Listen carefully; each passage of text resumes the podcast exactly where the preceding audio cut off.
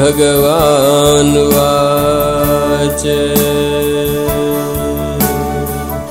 अनाश्रितः कर्मफल कार्यं कर्म करोति स सन्न्यासी च योगी च। न निराग्निर्न चाक्रिया। यं सन्न्यासम् इति प्राहो। योगं तं विद्धि पाण्डव। न ह्यसन्न्यस्तसङ्कल्पो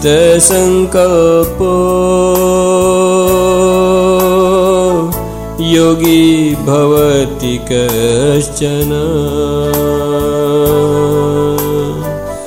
आरुरोक्षर्मुनिर्योगम् कर्मकारणमुच्यते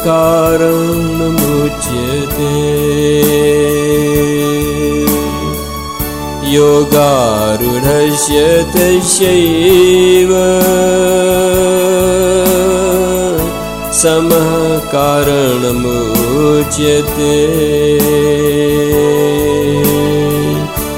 यदा हि नेन्द्रियार्थेषु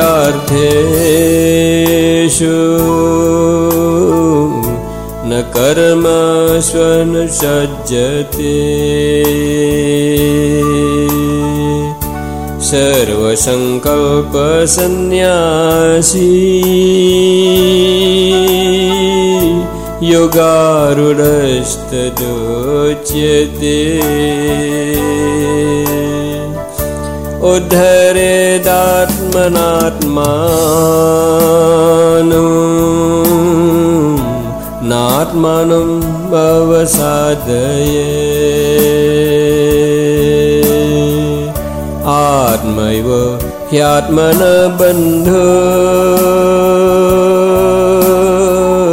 आत्मैव रिपुरात्मन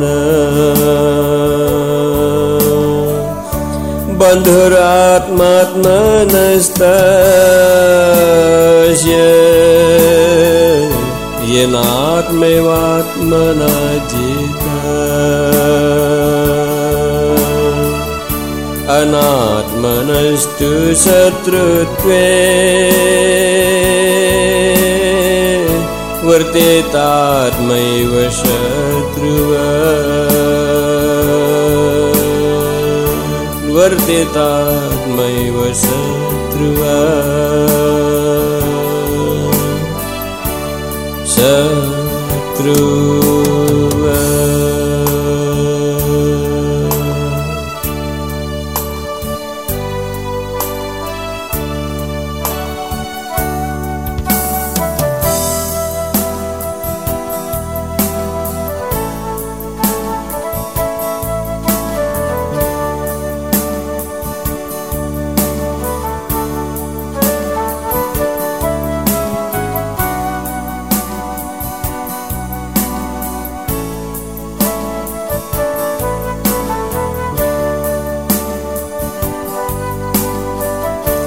जितात्मनः प्रशान्तस्य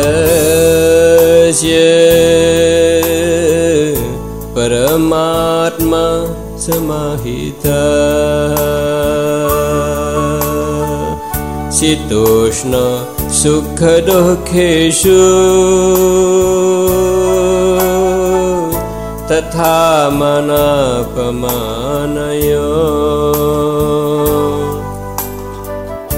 ज्ञानविज्ञानतृप्ता आत्मा कूतस्थो विजितेन्द्रिया युक्त इत्युच्यते योगी। समलुस्त्रास्म कञ्चन सुहृन्मित्रार्युदासीन मध्यस्थद्वेष्य बन्धुषु साधुष्वपि च पापेषु। समबुद्धिर्विशिष्यते योगे युञ्जित सततम् आत्मनं रहसि स्थिता। एकाकी यत् चित्तात्मा। निराशिरपरिग्रह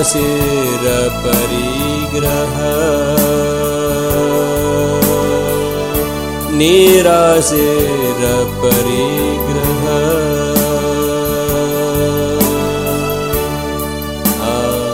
परिग्रह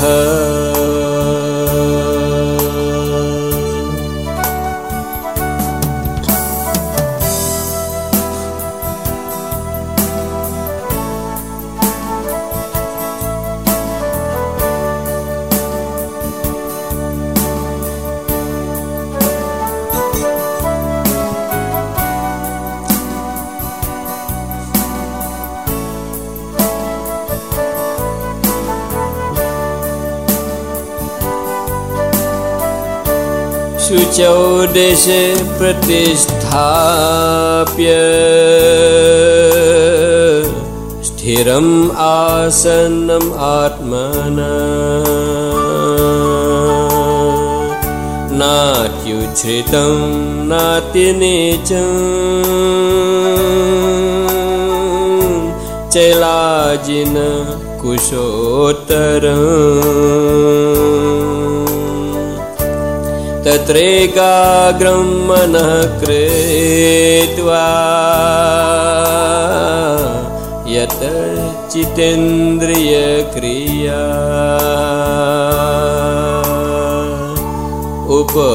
उपविश्यासने युञ्ज्या युगम् आत्मविशुद्धये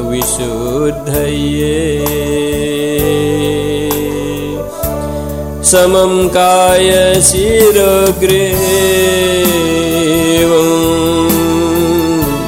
धारयन् अचलं स्थिर। सम्प्रेक्ष्य नासिकाग्रं स्व। दिशश्चानवलोकय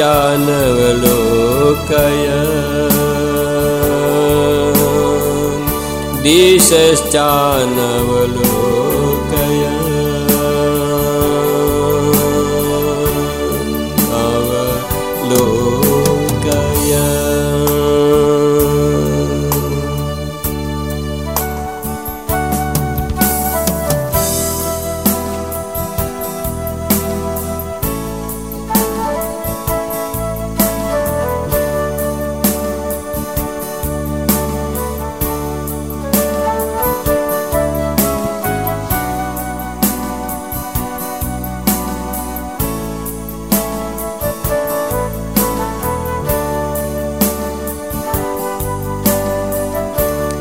प्रशान्तात्मा विगतभिर्ब्रह्मचारी व्रते स्थिता।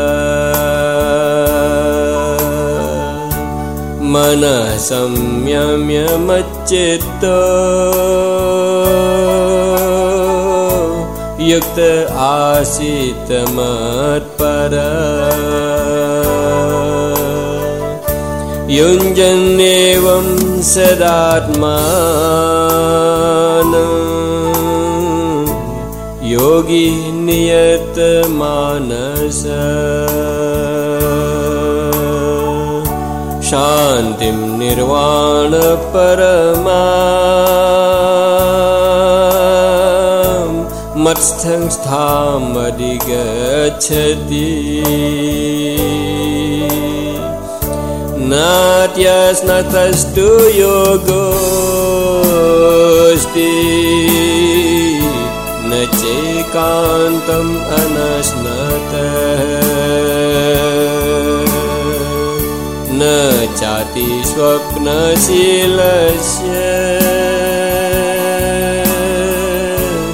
जाग्रत नैव चार्जुन नाट्यनतस्तु योगोऽस्ति न चैकान्तम् अनश्नत। न चाति स्वप्नशीलस्य।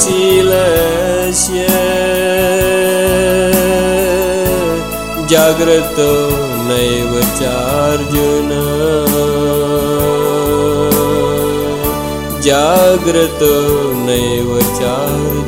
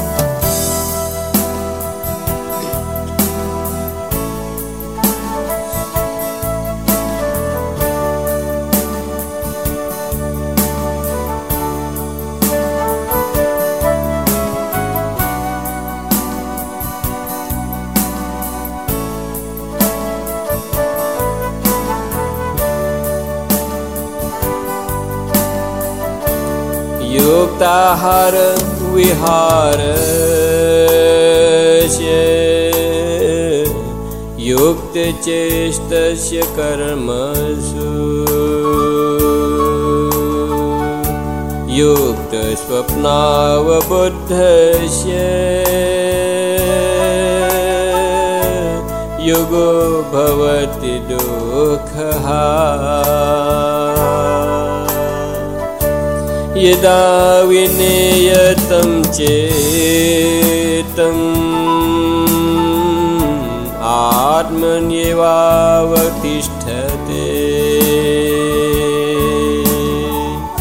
निःस्पृह सर्वकामेभ्य। युक्त इत्युच्यते तदा यथा दीपो निवातस्थो नेङ्गते सोपमा स्मृता। योगिन यत चित्तस्य युञ्जतो योगम् आत्मना युञ्जन्तो योगमात्मना।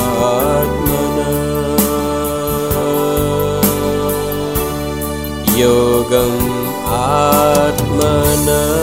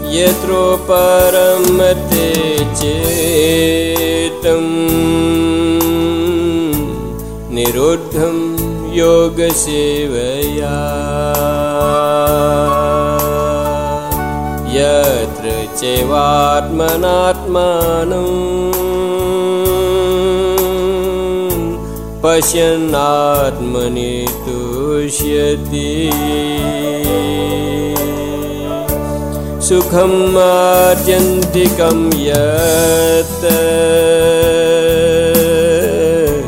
बुद्धिग्राह्यम् अतीन्द्रियम् वेत्ति यत्र न चैवायम् स्थितश्चलति तद्वत् यं लब्ध्वा चापरं लाभम्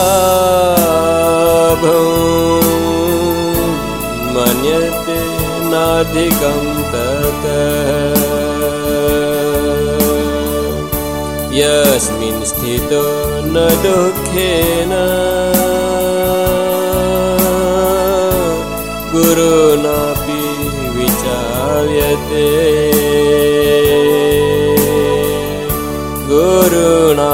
गुरुणापि विचार्यते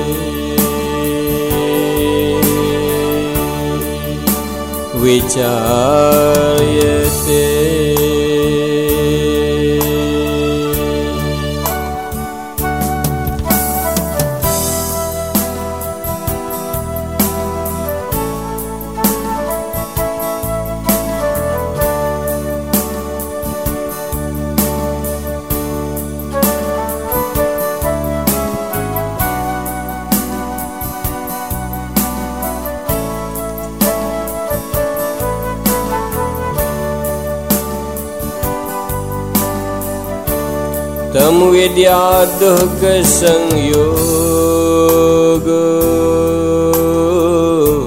वियोगं योगसङ्केतम् स निश्चयेन योक्तव्य योगो निर्विन्नचेतसा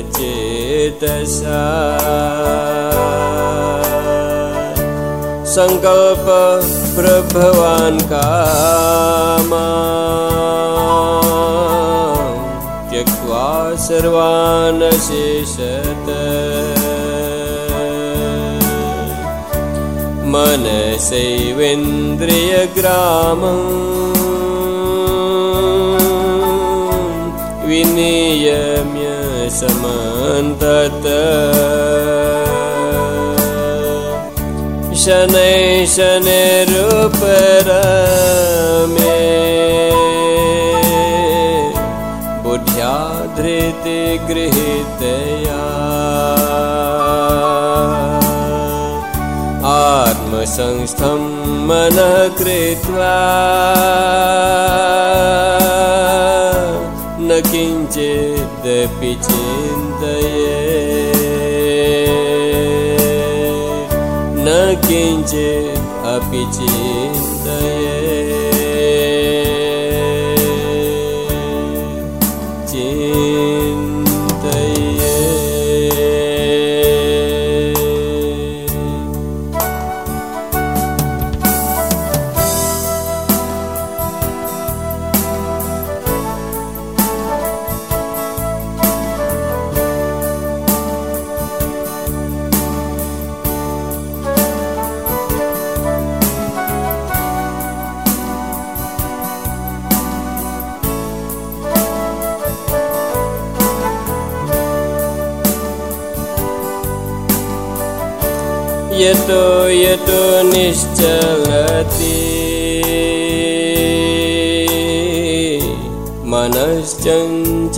मनश्चञ्चलमस्थिरम्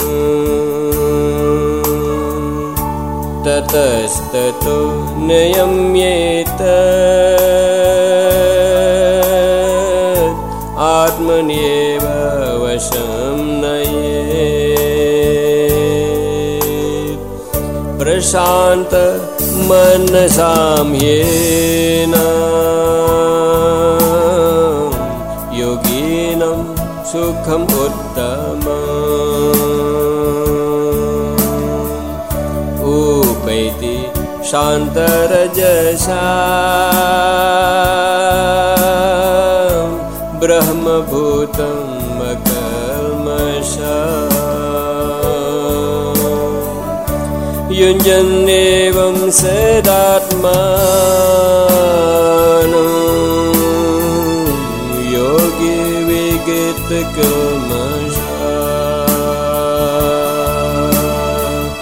सुखेन ब्रह्मसंस्पर्शम् अत्यन्तं सुखमाश्नुते। युञ्जन्नेवं सदात्मानम् विगतकल्मष सुखेन ब्रह्मसंस्पर्शम् अत्यन्तं सुखम् अश्नुते अत्यन्तं सुखम्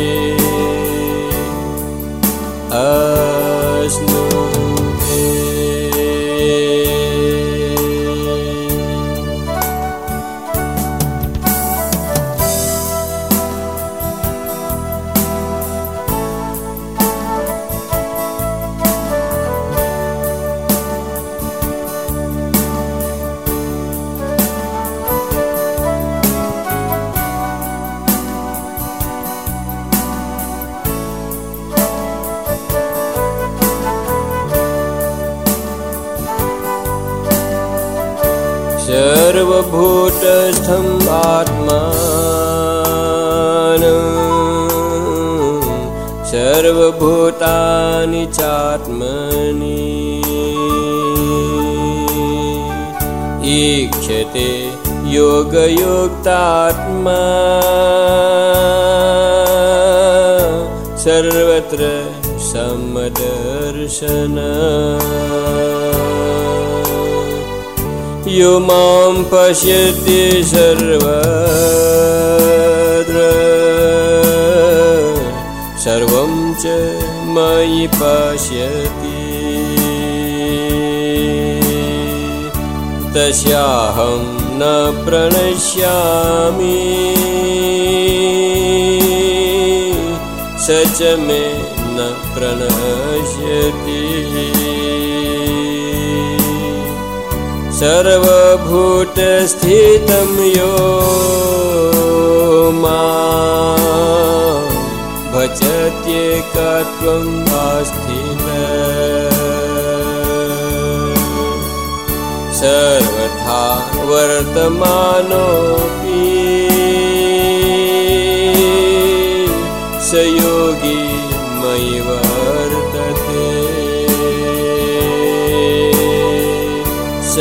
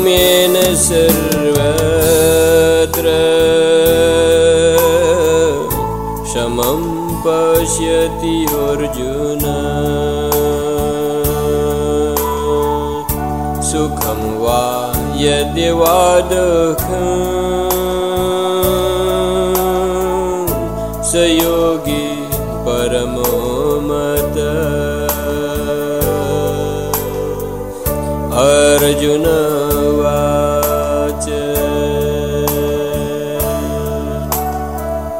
योऽयं योगस्त्वया प्रोक्त। साम्येन मधुसूदन। एतस्याहं न पश्यामि चञ्चलत्वा स्थितिं स्थिरा। चञ्चलं हि मनः कृष्ण। प्रमाथि बलवद्दृढ।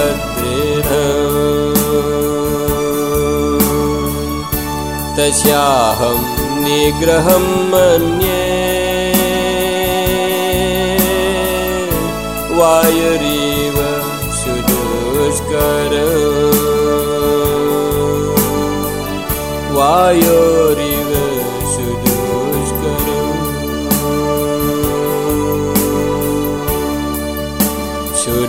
सुदुष्कर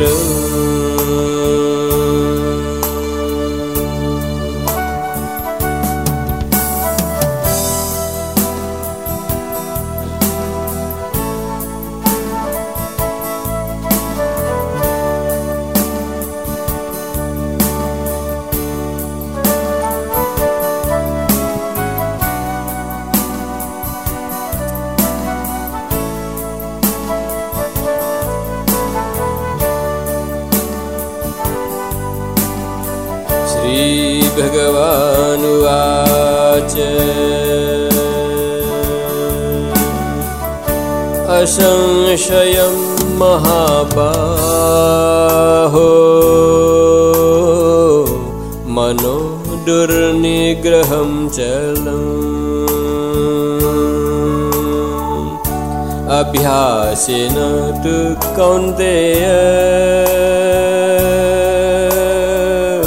वैराग्येन च गृह्यते। असंयतात्मना योगो दुष्प्राप इति मे मति वश्यात्मना तु यतता। शक्यो वाप्तुम् उपायत। अर्जुनवाच आयते श्रद्धयोपेतो युगाचलितमानस अप्राप्य योगसंसिद्ध कां गतिं कृष्ण गच्छति। कचिन्नो भयविभ्रष्ट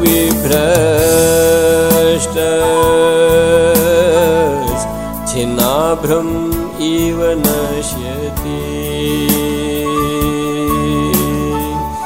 अप्रतिष्ठो महाबाहो। विमूढ ब्रह्मणपति।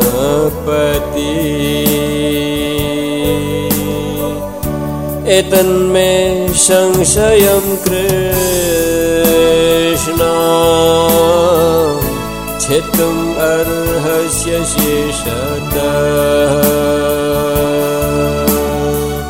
त्वदन्यः संशयस्यास्य चेता न ह्युपपाद्यते चेत्ता न ह्युपपाद्यते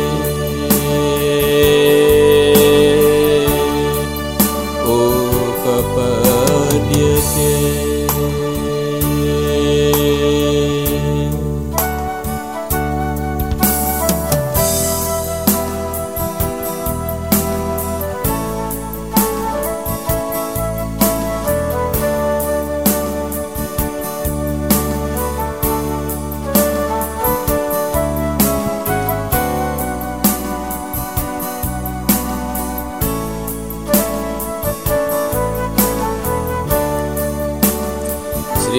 श्रीभगवानुवाच पार्थनैवेह नामूत्र। विनाशस्तस्य विद्यते। न हि कल्याणकृत्कश्चेत् दुर्गतिं तात गच्छति। प्राप्य पुण्यकृतां लोका तोषिता शाश्वती समा। शुचीनां श्रीमतां गेहे योगभ्रष्टो विजायते। अथवा योगिनामे कुले भवति धीमता। एतद्धि दुर्लभतरम् जन्म यदीदृश लोके जन्म यदीदृशम्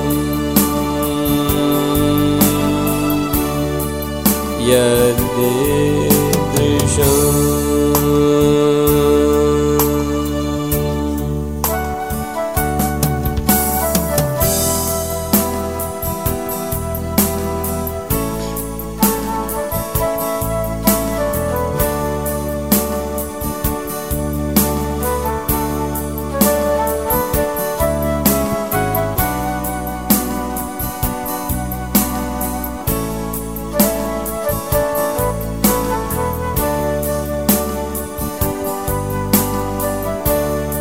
तत्र तं बुद्धिसंयोगं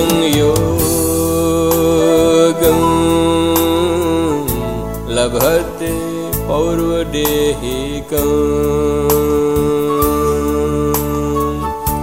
यत् ते च ततो भूय।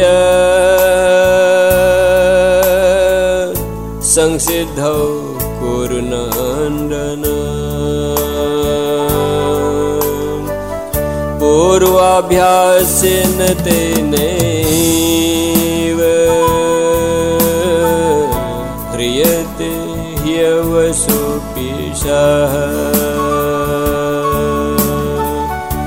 जिज्ञासुरपि योगस्य शब्दब्रह्मातिवर्तते प्रयत्नाद्यतमानस्तु योगी संशुद्ध किल्बिष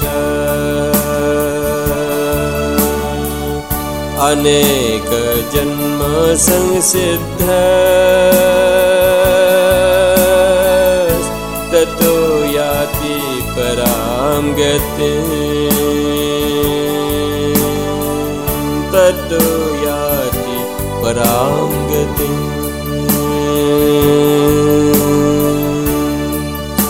परां गति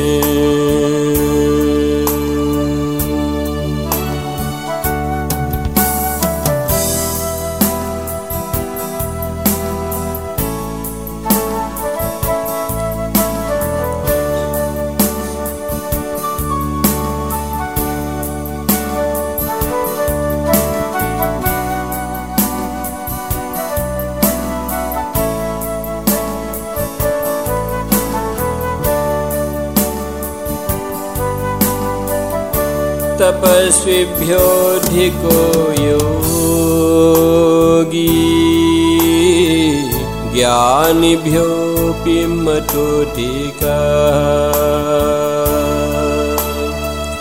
कर्मिभ्यश्चाधिको योगी। तस्माद्योगी भवार्जुन योगिनामपि सर्वेषा मद्गतिनान्तरात्मना।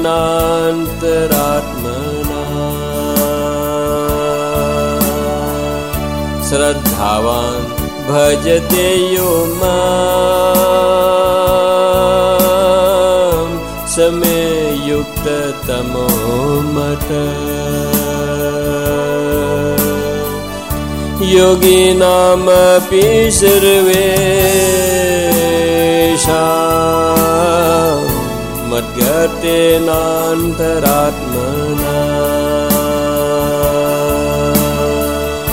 श्रद्धावान् भजते यो मा समे युक्ततमो मद। समे युक्ततमो मत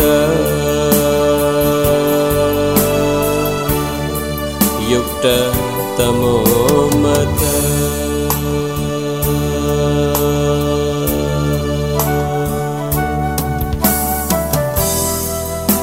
ॐ तत्सदिति श्रीमद्भगवद्गीतासूपनिषत्सु ब्रह्मविद्यायां योगशास्त्रे श्रीकृष्ण अर्जुनसंवादे ध्यानयोग नाम षष्ठोऽध्याय।